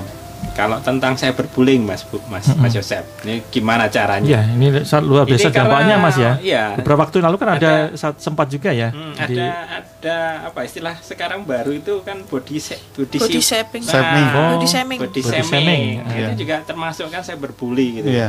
Itu gimana Mas Yosep? Eh, perundungan perundungan siber ya Iya. atau eh, cyberbullying Cyberbullying. itu eh, salah satu ancaman lah sebetulnya ya. Bahaya. Bahaya di internet tetapi itu seperti gunungan es. Jadi kalau mamanya gunungan es kan kelihatan lebih apa lebih kecil dari eh, laut ya itu. eh. Heeh, itu lebih ke adiktif eh, eh, kecanduan sama konten negatif. Kenapa? Gampang terlihat oleh angka gampang. Teroleh mamanya oh ini yang kecanduan berapa yang yang konten-konten negatif berapa gitu. Padahal seperti gunungan es itu lebih besar yang di bawah. Yang di bawahnya ada eh, perundungan sosi eh, perundungan siber eh, kemudian pedo pedofilia online Hmm, pedofilia kemudian juga ya? eh, radikalisme online itu itu tuh itu ini. Karena apa? Itu hanya bakal kelihatan ketika sudah banyak korban. Betul begitu korbannya muncul Mm-mm. langsung kelihatan kalau itu banyak sekali korbannya. Oh. kayak mamanya pedofil online ya. Mm-mm. begitu itu ketangkep satu gitu ya. Satu aja satu grup atau satu orang ketangkep itu bakal ketahuan bahasanya korbannya banyak sekali. Mesti kayak gitu. Tetapi kita nggak pernah kelihatan. Sama dengan perundungan. Mm-mm. biasanya perundungan yang terjadi adalah orangnya sudah mati baru tahu kalau ada perundungan seperti itu kan. Nah eh, yang jadi kendala adalah kadang-kadang eh, perundungan itu menjadi sesuatu hal yang lumrah itu yang yang Iya. menurut saya agak bahaya gitu Eh, Iya. maaf aja ya Eh, kayak kemarin di di di saya tuh sampai gemes ya Ge- gemesnya apa maaf loh Eh, salah satu artis kita lah A- as apa Suami. suaminya Suami. meninggal gitu Hmm. Eh, kemudian eh, jadi bahan guyonan eh, guyonan eh. buat saya itu bullying itu loh. Oh. Eh, itu bullying buat saya itu masuk, Mas, itu ya? perundungan gitu loh. Nah, ya, Meskipun itu konteksnya bercanda. konteksnya iya bercanda. Itu buat saya perundungan gitu loh. Dalam artian apa ya? Tidak layak. tidak layak gitu loh. Wah, maaf aja. Betul kalau mamanya itu jadi janda lah ya. Iya. oh ada janda muda gitu kayak gitu lah. Ah, tapi itu sesuatu hal yang sebetulnya tidak Tidak perlu tidak dibicarakan. perlu lah. Tidak mau perlu orang meninggal Kok kok, malah sempat-sempatnya gitu ya? sama itu yang bikin kadang-kadang kita itu seakan-akan hal yang lumrah gitu. Kema- kemarin ada yang di video anak yang kebutuhan khusus di Di- perundung itu ya. Itu Iya, juga luar sama. biasa ya. Itu perundungan yang secara fisik Hmm. nah perundungan yang secara digital itu lebih banyak lagi yang kejadian di eh, kita masuk ketemu sama orang tua itu kita ketemu ada kasus grooming sama pelecehan eh, apa eh, semacam kayak pelecehan seksual lewat WhatsApp itu Mm-mm. itu sampai si orang tua tersebut ini untungnya ya untungnya si anak itu cerita sama orang tuanya Mm-mm. Coba kalau nggak cerita sama orang tuanya mungkin sudah bingung dia. Cerita sama orang tuanya sampai orang tuanya itu masuk ke eh, apa operator itu langsung nemuin operator operator minta untuk blokir. Tapi selalu aja ini blokir masuk lagi blokir masuk lagi. waktu itu saya bilang kayak gini eh, sama orang tuanya. Di screenshot kumpulkan bukti lapor polisi. Saya bilang kayak gitu. Lapor polisi karena mau tidak mau harus ada catatan di kepolisian ada kasus-kasus seperti ini saya bilang kayak gitu ini nggak bisa dibiarkan ini bahaya anak kecil loh anak kecil anak-anak usia SMP buat saya masih kecil itu. Iya. Tapi sudah sudah eh, apa di, di dirundung secara eh, secara apa? secara digital kurang lebih. Lalu tipsnya seperti apa? Kalau saya merujuk dari eh, bahan-bahan yang di, kita gunakan ya, yang kita gunakan eh, oleh kawan-kawan pe- pegiat internet, ada tujuh cara mencegah eh, perundungan sosial, eh, perundungan eh, digital ya. Digital. Eh, yang pertama itu jangan merespon dan jangan membalas aksi pelaku, Hmm. cuekin aja. Cuekin. Jadi ya semakin dibalas, ada orang yang semakin malah senang. Dibalas Iya. itu senang Ya, karena sengaja merasa menunggu direspon. menunggu itu ya responnya Iya. itu tadi Oh, ya. oh, responnya. Jadi kalau direspon sekarang seneng. Tapi kalau nggak direspon, cuekin aja mesti sananya Berhenti ya? lama-lama bosen gitu. Oh. Betul.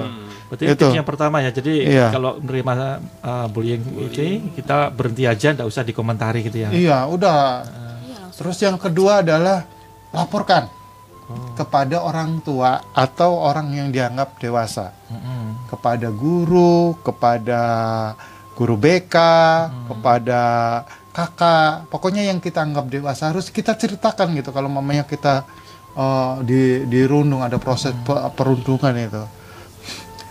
Eh, kalau nggak kayak gitu, eh, anak-anak itu tidak bisa menghadapi hal-hal seperti ini sendirian. Mm-mm. Itu harus itu.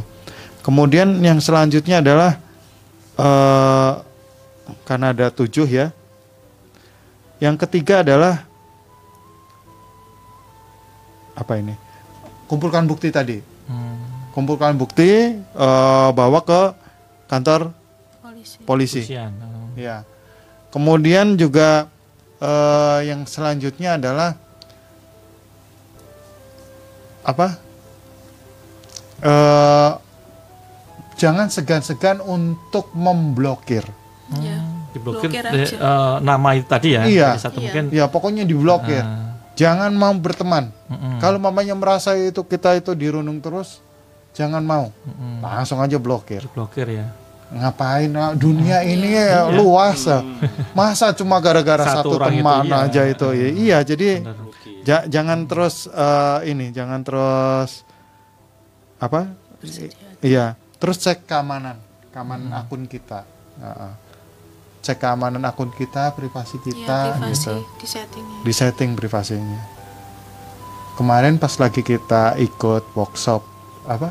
Seminar, Seminar. pendekar Pancasila Iya, ya di ini Di di asrama haji kita menemukan hal yang sangat mengagetkan kita. Eh, Mbak Mira Sahid itu emak-emak blogger itu bilang kita urutan nomor dua tukang bully sedunia.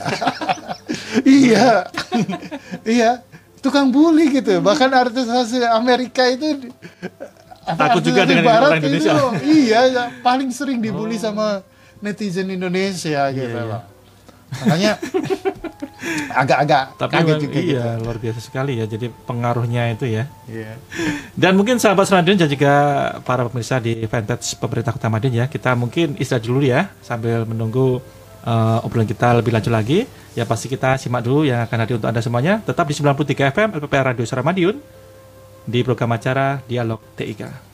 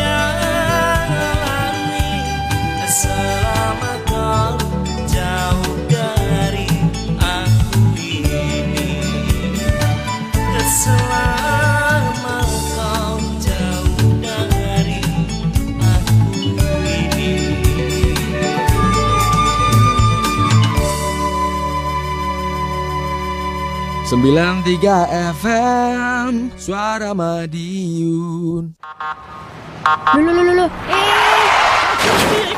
Lho lho lho. Lah pripun to, Mbak? Aku wis mlaku ning dalan bener kok jek mbak tondo, Nduk. Jika Anda mendengar bunyi dan lampu kuning berkedip, ini merupakan rambu lalu lintas yang bernama Pelikan Crossing. Berdasarkan Peraturan Undang-Undang Lalu Lintas Nomor 22 Tahun 2009 bahwa fasilitas penyeberangan pejalan kaki seperti zebra cross, pelikan crossing, jembatan penyeberangan orang, dan terowongan penyeberangan orang berfungsi untuk pejalan kaki yang akan menyeberang. Rambu pelikan crossing ini dapat ditemui di Jalan Pahlawan dan Jalan Panglima Sudirman, Kota Madiun. Mari ciptakan toleransi sesama pengguna jalan, patuhi rambu lalu lintas agar terciptanya kenyamanan dan ketentraman dalam berkendara, serta demi terwujudnya Kota Madiun yang nyaman dan damai. Iklan layanan masyarakat ini dipersembahkan oleh LPPR Radio Suara Madiun. Alah, mau pulang tapi hujan masih deras banget. Gak bawa jas hujan lagi. Astaga, pohonnya mau ambruk.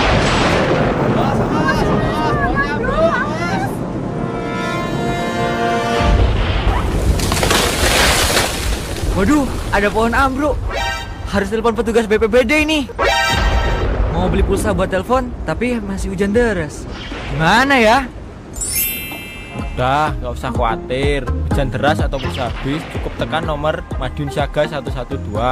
Semua kondisi darurat seperti pohon tumbang, kecelakaan, kebakaran, atau bencana alam sudah bisa cepat diatasi. Emangnya kalau nggak ada pulsa bisa telepon petugasnya?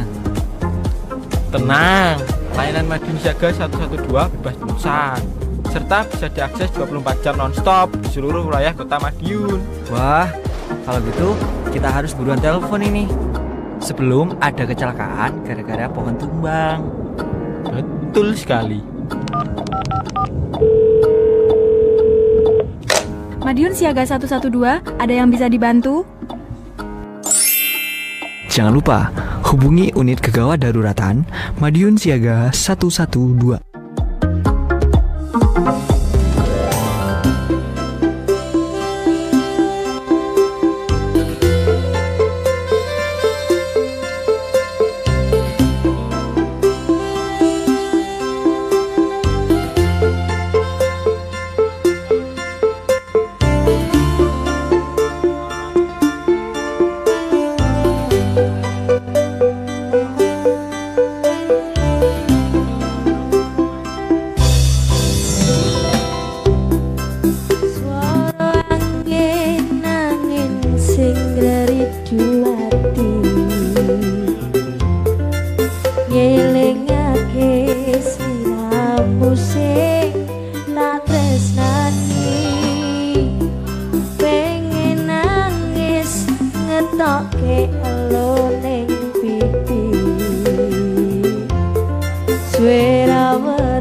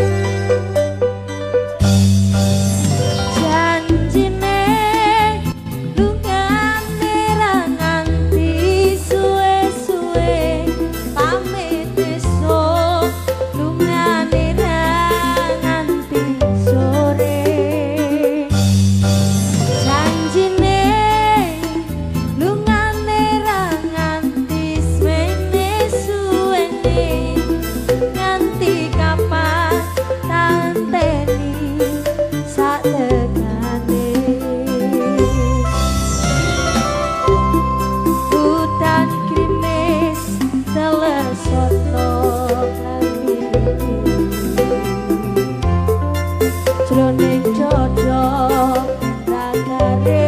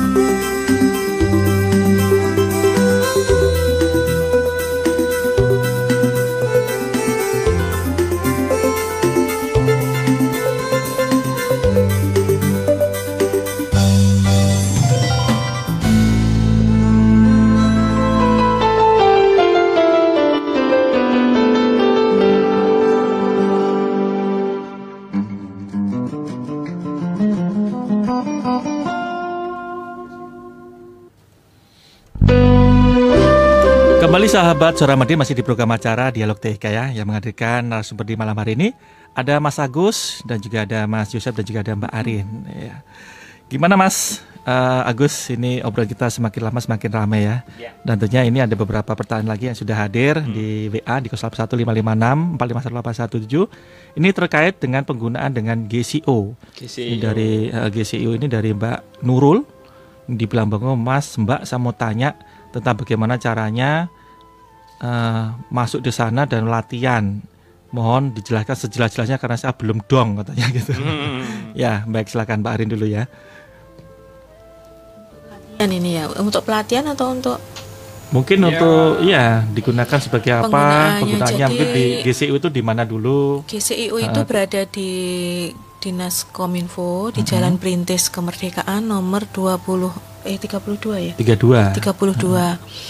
Terus di situ insya Allah mulai Sabtu besok itu sudah ada pelatihan dari hari Sabtu sama Minggu. Tetapi itu istilahnya pelatihan yang by request. Jadi ada apa istilahnya yang mengajukan ke Dinas Kominfo Mm-mm. dengan menggunakan surat. Terus nanti Dinas Kominfo yang ngatur jadwalnya. Jadwalnya, ya. iya. Bekerja sama Mhm. dengan Forum Kim dan RTIK. Mm. Kalau pelatihannya sendiri apa aja nih Mbak? Kalau sementara ini masih sesuai permintaan, sesuai surat yang oh, masuk permintaan kemarin ya. ya. Ke depannya itu diusahakan nanti tiap hari, setiap hari itu ada, tetapi bukan pelatihan yang besar. Mm-mm. Jadi pelatihan yang kecil-kecil karena disesuaikan dengan yang jaga. Kan di situ nanti ada yang jaga dari Forum Kim sama RTIK. Itu nanti ada apa istilahnya ada jadwal dan ada misalnya hari Senin pelatihan apa, hari Selasa ada pelatihan apa. Jadi nanti kalau memang ada yang berminat misalnya kok kebetulan pas hari Selasa ada pelatihan apa, Mm-mm. terus cocok dia mau datang ke sana monggo aja. Itu dibuka mu pukul 3 sampai jam 10 malam. 10 malam ya. Iya. Kemudian untuk yang apa yang untuk pelatihan yang menggunakan surat itu minimal 10 sampai 20 orang dengan mengirimkan surat permohonan pelatihan ke Dinas Kominfo. Hmm, gitu ya. Nah ini mungkin eh, dari Mbak Nurul ya yang bertanya tadi ya. Ini eh, tadi sudah dijelaskan oleh Mbak Arin bahwa eh, itu bebas ya. Jadi Bebas. setiap jam 3 sore hingga jam, Jam 3 sampai jam 10 10 malam. malam. Nanti kalau untuk pelatihan yang Bisa eh, digunakan kolektif ya. iya. Mhm. Bisa 10 apa orang. istilahnya di situ bisa untuk mengerjakan tugas, bisa Ah, untuk mengerjakan dia. pekerjaan apa pun gitu loh. Jadi Cocok. salah satu sarana pemerintah Kota Madiun untuk masyarakatnya ya. Jadi Iya. GCU itu sana tidak eh, orang-orang tertentu yang masuk tidak. Ini untuk Tidak. umum.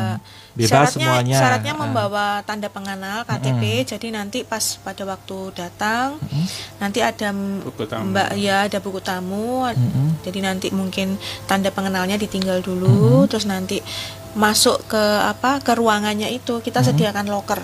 Oh. Jadi ada lokernya. Jadi Mm. posisi di meja itu kalau bisa bersih. Mm-mm.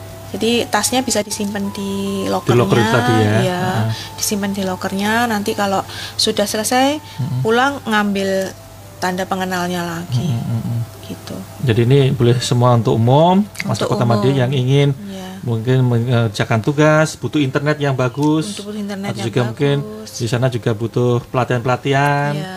Tapi yang pasti di sana anu ya Pak Arin ya, untuk semua program itu orisinil, jadi tidak boleh install sembarangan. eh, eh, install Jadi sembarang misalnya ya. membutuhkan suatu program bisa apa menginformasikan ke kakak-kakak yang jaga. Hmm. Nanti kakak-kakak jaga yang membantu kalau memang nggak ada ya nanti insya Allah dari dinas kominfo yang Hmm. akan mengupayakan. Iya, ini tadi Mbak Nurul, oh, Nurul ya. Iya. Oh, tanya lagi nih, boleh main game nggak Mbak? nggak boleh kalau main game nggak boleh kita memang fasilitas yang disediakan eh, hanya untuk hal-hal yang positif Heeh. jadi tidak boleh main game Ya, kemudian dia. tidak boleh download yang tidak tidak terus kemudian tidak boleh membuat gaduh Mm-mm. terus apa eh, istilahnya jaga kebersihan jaga ketenangan jadi digunakan yang secara maksimal ya secara untuk kegiatan yang positif positif aja Iya. Ini dari Mbak Erin ya sudah dijawab tadi ya pertanyaan dari Mbak Nurul. Ini mungkin ada dari Mas Agus. Ada yang bertanya lagi enggak Mas? Ya, sementara masih belum ada nih mas. Mm-mm. masuk jadi ya masih hanya menyapa saja kayaknya. Jadi kemarin itu kita selama berkeliling roadshow server internet di itu kita juga sudah istilahnya mensosialisasikan ke adik-adik di SMP, di SD. Ih, sudah ada permohonan juga yang masuk dari adik-adik yang jadi istilahnya kalau memang apa adik-adik membutuhkan suatu pelatihan, pelatihan apa pun, kita bersedia memfasilitasi dengan pihak sekolah yang Iya. mengirimkan surat ke Dinas Kominfo. Tetapi kalau untuk hanya untuk mengerjakan tugas atau apa bisa dibantu Oh, di iya. GCI. Ada Ya. teman ada teman-teman yang Jaga. jaga. jaga sana ya. Eh, Jadi ini bedanya kalau eh, pribadi ini bisa langsung aja ke GCIO di Jalan Perintis itu langsung dengan meng- membawa Tanda ka- pengenal. tanda pengenal Iya. KTP atau KTA ya. Kemudian nanti kalau secara bersama-sama di sekolah ini kurang lebih 10 orang ya. Ini Minimal nanti 10 sampai 20 eh, orang. ya pelatihan apa yang digunakan ya, Ya, nanti dari ibu apa, atau bapaknya eh, sekolah guru ini akan menyurati di dinas kominfo ya itu termasuk dia. dari luar kabupaten juga boleh ya Mbak Rin ya. Untuk sementara ini dari dalam kota dulu. Dalam Mas. kota dulu. Iya. Artinya yang yang umum Umum kan kalau mungkin pas apa main di Malioboro gitu eh pengen pengen ya, masalah ya. lihat terus kemudian masalah. mereka menggunakan Fasilitas fasilitas ya ya eh, masalah gitu ya. tapi saran juga sama Mas Agus ya Syarat Sama, syaratnya sama. kartu ke- identitas. kartu identitas KTP atau KTA itu Iya. tadi ya ya ini masih eh, dengan dialog TK malam hari ini ya dan silakan nanti yang ingin hadir atau bisa eh, menanyakan kepada narasumber kita bisa buka di line teleponnya di 461817 atau juga melalui WA di 081 4517 Mas Owo tadi Ya. ada dari di depan tadi ada pertanyaan tentang tadi kan yang sudah kita bahas adalah yang masalah bullying ya atau Bullying, perundungan. eh. yang belum tadi hoax ya. Oh ya hoaxnya tadi ya Hoaxnya tadi Eh, mungkin sepintas lalu sudah dibuka sama Mbak Rin tapi Hmm, belum- belum kayaknya begitu, belum eh. Mas Yosef deh. Eh, kalau hoax sendiri Iya. hoaxnya Iya. itu eh, gimana sih caranya Eh, kalau umpamanya gambar lah atau mungkin berita lah atau apa Hmm. Iya. itu identifikasi awalnya gimana Iya. terus kemudian bagaimana eh, kita bisa me- apa ya istilahnya tips dan triksnya Ya, untuk, mem- hoaxnya memblokir tadi. itu tadi. Soalnya dampak dari anu Mas Agus ya. Iya. Hoax ini luar biasa sekali ya. Iya. Jadi kemarin ada beberapa peristiwa yang luar biasa sekali dampaknya. Hanya eh, kata pelakunya saya hanya menulis Iya. kecil aja. itu ngeri Nah, kecil saja gitu. Monggo. Jadi kategori hoax itu kan eh, macam-macam lah. Mm-mm. Ada memang murni berita bohong, ada disinformasi. Maksudnya di- disinformasi itu informasinya benar tapi ditempatkan di eh, konteks yang keliru. Oh, umpamanya kayak kema- eh, yang yang ini termasuk yang kemarin kita rosokan ke kawan-kawan di eh, sekolah di di kampung kampung literasi TIK juga Eh, yang disinformasi ini se- sering juga yang yang apa yang yang ada gitu. Informasinya betul tetapi di konteks yang keliru. Beritanya udah tahun berapa? Di upload eh, di ini seakan-akan baru terjadi. Itu yang disinformasi. Kalau yang satir-satir yang biasa kita guyonan itulah. Itu hoax juga sebetulnya. Cuma satir itu kan nah, tahu ah ini guyon. Iya. udah langsung kenal kalau itu hanya uh, bercanda gitu. Ah, ini yang paling sering lah. Kalau ke kawan-kawan grup kan pernah oh kebakaran di pasar Joyo. Ah, di pom bensin Joyo. Ah, iya. No saya udah mikirnya serius gitu. Ah yang bener begitu ini gambarnya Ultraman di atasnya lagi berantem sama monster eh, kebakaran ya kita tahu ini ah ini guyon tapi tahu itu hoax gitu loh termasuk juga Heeh. kan Hoax juga kematian ya. ternyata bungkus rokok gitu Iya, ya. iya betul lah. Jadi itulah ya itu yang masuk kategori satir. Tapi itu memang murni hanya untuk guyonan Bercanda. gitu bercanda. Tetapi yang yang kita khawatirkan adalah sesuatu yang eh, yang murni memang untuk memprovokasi warga, membuat rasa takut dan sebagainya. Iya betul. Yang kemarin ini sempat kita eh, diskusikan di teman-teman di di di grup grup WhatsApp itu eh, kasus penculikan. Oh, Oh, ini berarti yang terbaru oh. ini ya? Oh, ya ya memang ada penculikan, Oh, ada penculikan proses juga. penculikan itu di daerah Gresik atau apa gitu. Tapi itu seminggu yang lalu gitu. Tapi kemudian ada broadcastan lagi dinyatakan di daerah Surabaya. Oh, di Surabaya. Saya kasih linknya. Oh, kepolisian sudah menyatakan itu hoax gitu loh. Nah, terus eh, nggak terima dengan kayak gitu. Dijawab, ya ini untuk kewaspadaan kita bersama gitu. Terus saya bilang, oke kalau untuk eh, kewaspadaan kita bersama, tapi kan nggak harus dengan cara yang keliru. Tahu itu hoax, ini kasih share berita yang yang benar, mamanya penculikannya eh, proses baru proses mau penculikan itu langsung diketangkep itu loh, yang yang di Gresik itu.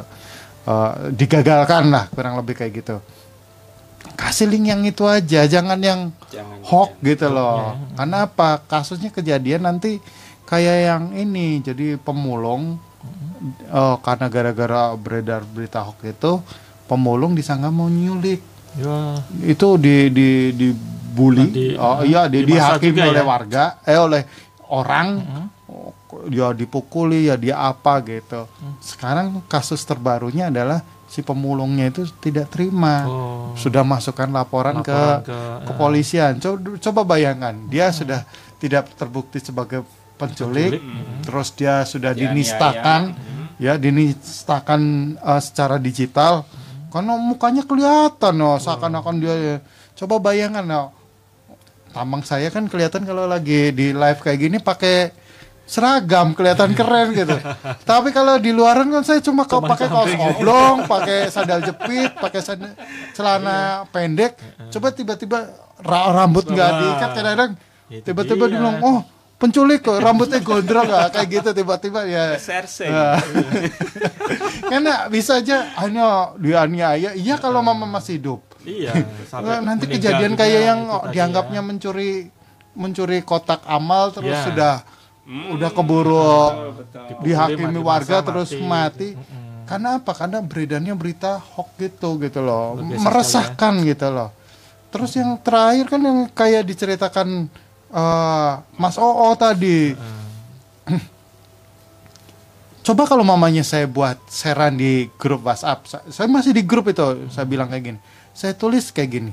eh hati-hati sekarang banyak bakso oh tikus. Oh, ini ka- dikasih link. Padahal linknya mungkin ah, berita yang di Cina atau di mana kan di sana kan ah, Ya oke-oke saja. lelawar aja dimakan. ini ya, saja ya gitu beda ya sama kita gitu loh. Di ini terus dampaknya apa? Siapa Pak? Eh, kalau mamanya para eh, penjual bak pedagang bakso itu kemudian juga omsetnya akhirnya. turun Ah, gitu loh. Juga. Karena apa? Terus begitu saya bilang mamanya ada yang protes, ah itu hoax gitu. Terus saya tulis untuk kewaspadaan kita bersama gitu loh. Iya, jadi- Nah, itu gitu. Mendingan kasih link yang benar-benar. Sekalian, ah. Ah, ah, nggak apa-apa kita waspada tentang penculikan anak, tapi kasih link yang Yang benar. yang benar jangan hanya cuma forward forward uh, diteruskan diteruskan teruskan tapi itu Iya. biasanya ya itu cara bermainnya cara bermainnya hoax itu selalu mencatut institusi Hmm. yang penculikan anak Polres uh, Polsek ya oh ditulis di bawahnya itu sumber dari Polsek Mana? gitu. mana Surabaya kayak gitu loh. Iya itu. Jadi selalu ini. Jadi akhirnya orang merasa itu ya, percaya karena gitu loh. institusi yang yang yang So, sah ya. Itulah kenapa kita harus terus menggiatkan literasi digital. Hmm. Itu kembali ke masalah sumber rujukan. Kita harus cross check dulu sebelum. Nah, saya setuju dengan disampaikan nama Mbak Arin tadi. Cukup berhenti di kita dulu deh. Kita konfirmasi, kita cari, kita ini. Jangan terus eh, karena pengen kita ngetren, Ya.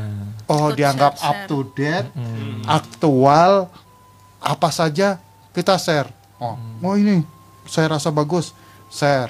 Saya rasa bagus, share. Ada daun apa bisa menyembuhkan seribu satu penyakit, share. Itu obat gitu. obat gak laku itu berarti. Eh, kita menghormati apa pun karena budaya kita tentang eh, pengobatan tradisional kita hormati. Karena apa? Itu warisan turun temurun gitu. Tapi kan nggak serta merta ada satu daun saja bisa menghib eh, eh, inilah. Karena apa? Yang menulis itu belum tentu mencantumkan sumber rujukannya gitu loh. Beda dengan buku-buku yang biasa kita ini contohnya apa? Kalau batuk pakai daun jambu kelodok kan? Baru tahu saya Pak. Belimbing malah saya. enggak jadi ada mama itu. Terus eh, gimana menambah nafsu makan? Nah, dulu zaman kita dicekokin apa? Unit. Ah. jadi ya itu itu kan banyak gitu. Tapi kan itu tuh tradisional. Saya dulu sering cuma. Oh, ya cuma dalam dalam dalam apa? Dalam eh, kehidupan kita yang praktis Hmm. Dibuat semacam kapsul ini, Hmm, ini, ini, gitu. tapi kan ya. kita tetap menghormati ya. ternyata zaman dahulu banyak warisan-warisan nah itu ya harus kembali ke sumber rujukannya Iya. ada nggak itulah kenapa kita terus menerus jangan hanya ngomongin digital ayolah kita kembali baca buku baca apa supaya kita kembali mengasah lagi budaya literasi kita Eh, terbiasa dengan sumber-sumber rujukan gitu terbiasa gitu. Nggak apa-apa lah Wong sekarang aja kayak pengetahuan saya bukan lagi ya. Sudah lewat eh, komik kuak ya.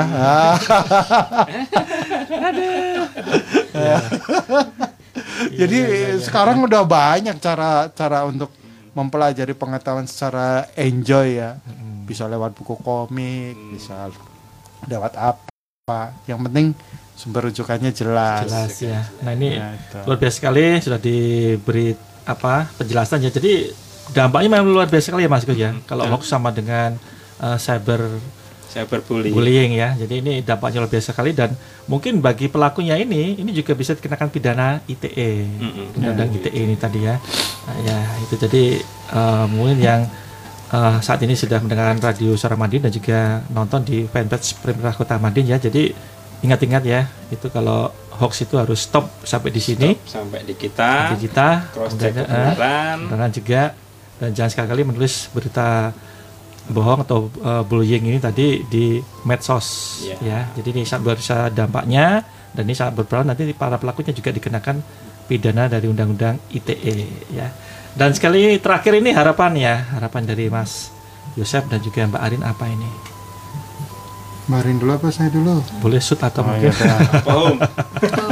kalau saya lebih lebih eh, menegaskan masalah kerja ini adalah kerja kolaborasi kerja bareng-bareng saya mengucapkan apresiasi yang tidak terhingga ke semua pihak yang sudah terlibat di eh, kampanye bersama ini.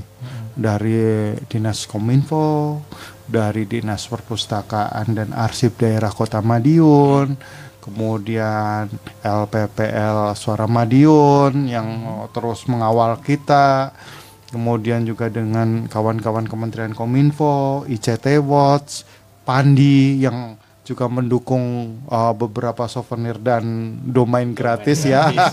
Uh, terus uh, kawan-kawan Puskomedia, terus uh, SMP SMP 1, SMP 2, SMP 3, terus SMP Santo Yusuf, SD Petra. Kristen Petra, eh, Kelurahan Pangongangan, kemudian eh, SMK Bakti, Oh, ya, yang terus itu ya. iya Eh, mana SMP mana lagi? Sekolah mana lagi? Udah semua ya? Iya. Sudah semua ya. Bener, kalau ini ini harus kita kerjakan bersama. Itu ke memang harus kerja kolaborasi. Ini nggak bisa hanya bisa dikerjakan oleh pemerintah daerah saja, para relawan apalagi dengan eh, kecukupan logistik yang apa adanya, teman-teman forum game saja atau eh, apa sekolah saja gitu. Kita menggunakan analogi yang sama dengan menangani demam berdarah kita sudah di rumah udah melakukan 3M menutup menguras dan Mengubur. uh, mengubur nggak serta merta Aedes aegypti itu akan belok. Eh rumah ini sudah menggunakan 3M gitu. Kalau tidak lingkungan kita, Iya, nah kiri ini kerja ya. bersama. Oh, Jadi benar-benar. kita memang sangat berterima kasih untuk kegiatan rangkaian Ratso Suffer Internet Day ini dan semuanya sudah mendukung. Eh, kinerja ini tidak berhenti di sini saja. Eh, kita masih kalau ada sekolahan yang minta eh, pelayanan, kita masih, bisa ya. masih. Cuma tinggal menentukan siapa yang bisa berangkat, waktunya yang pas siapa karena kami para relawan dan kawan-kawan Forum Kim itu juga punya aktivitas sendiri Iya, gitu lah. sekali ya. Punya pekerjaan, punya apa. Jadi harus eh, harus pikirkan siapa yang bisa berangkat ya. Cuma kan kalau Suffer Internet karena sudah kita niati, udahlah mau tidak mau selama seminggu ini pekerjaan Ditinggalkan. nggak ditinggalkan Oh, di bukan di ya? di dijedakan iya Oh. ah. nah, nanti biasa sekali ya. setelah setelah kegiatan selesai eh, baru kita aktivitas. Kadang kan kadang-kadang pagi kita masih ada kegiatan apa Heeh. tapi kita dahulukan untuk urusan kampanye ini Iya, gitu karena mumpung mengejar momen. Itu sih dari saya Eh, saya mengucapkan terima kasih sekali untuk semua yang terlibat. Siapa pun yang masih membutuhkan eh, diskusi diskusi dengan kita teman-teman relawan Tika insya Allah kita masih siap mau datang ke sekolah mana pun kita siap ke komunitas mana pun kita siap ketemu ayo kita bangun ekosistem teknologi informasi komunikasi yang aman untuk dan baik ini bersama-sama untuk siapa Untuk untuk kita, kita semua bersama. Ah, ah. itu dari saya Oke, baik. Mbak Silakan. Rin. Langsung sambung Mbak Rin. Ya, sudah diborong Mas Yosef semuanya. Itu aja. Ya, kalau harapan saya sih apa yang sudah kita kerjakan bersama mudah-mudahan di ke depannya masih apa masih bisa berkolaborasi dan bisa kita bisa me- apa mengajak rekan-rekan yang lain untuk ikut berkontribusi di dalamnya. Jadi apalagi sekarang kan juga sudah ada fasilitas yang disediakan oleh pemerintah Kota Madiun yang GCEO itu tadi. Otomatis kan kita juga bisa membantu mengawasi adik-adik kita yang datang ke situ. Jadi kan bisa apa menga- lebih mengarahkan mereka ke arah yang lebih bagus, ke arah yang lebih benar seperti itu. Jadi eh, dengan adanya penambahan wifi yang 1500 itu insya Allah ke depannya tidak akan membuat eh, apa ancaman ya mas ya ancaman, Ancaman. Hal-hal yang peluang. negatif ya. Ujaran peluang terus kita gunakan teknologi yang ada karena teknologi kan semakin hari ya malah semakin maju nggak akan semakin mundur gitu loh jadi kita harus mensikapinya dengan hal yang positif sehingga itu bisa membantu pekerjaan kita bisa membantu apa eh, pekerjaan adik-adik juga untuk mencapai apa yang mereka inginkan gitu. Ya, baik. Itu tadi sudah obrolan kita hari ini terakhir ya dan kita harus segera pamit ya. Dan juga terima kasih buat yang sudah mendengarkan program acara kami dan juga sudah menonton di website pemerintah Kota Madin ya. Dan besok Oh kita iya, akan- jangan lupa lagi? GCIO. Oh iya, jangan lupa kunjungi GCIO. datang ke GCIO Mm, ini dia. di apa istilahnya eh, kunjungi dulu Mm-mm. Insya Allah akan mencintai GCIO Wes, ini penutupnya ya. Jadi selalu kunjungi GCIO untuk apa saja di sana. lu kan ada kakak-kakaknya Oh ya. iya. ada kakak-kakaknya urusan sama orang marketing ya kayak gini lah Saya udah tutupan padahal tadi. ada kakak-kakaknya yang baik hati ganteng Iya, cakep benar, cantik semuanya dan tidak sombong itu tadi Ya baik sahabat selanjutnya kita harus segera pamit ya dan juga terima kasih yang sudah mendengarkan program acara kami dan semoga pembicaraan kali ini uh, bermanfaat untuk anda semuanya ya. Yang pasti kita akan ketemu lagi besok di waktu di gelombang yang sama ya. Gempur, rokok legar dan salam Kota Pendekar. salam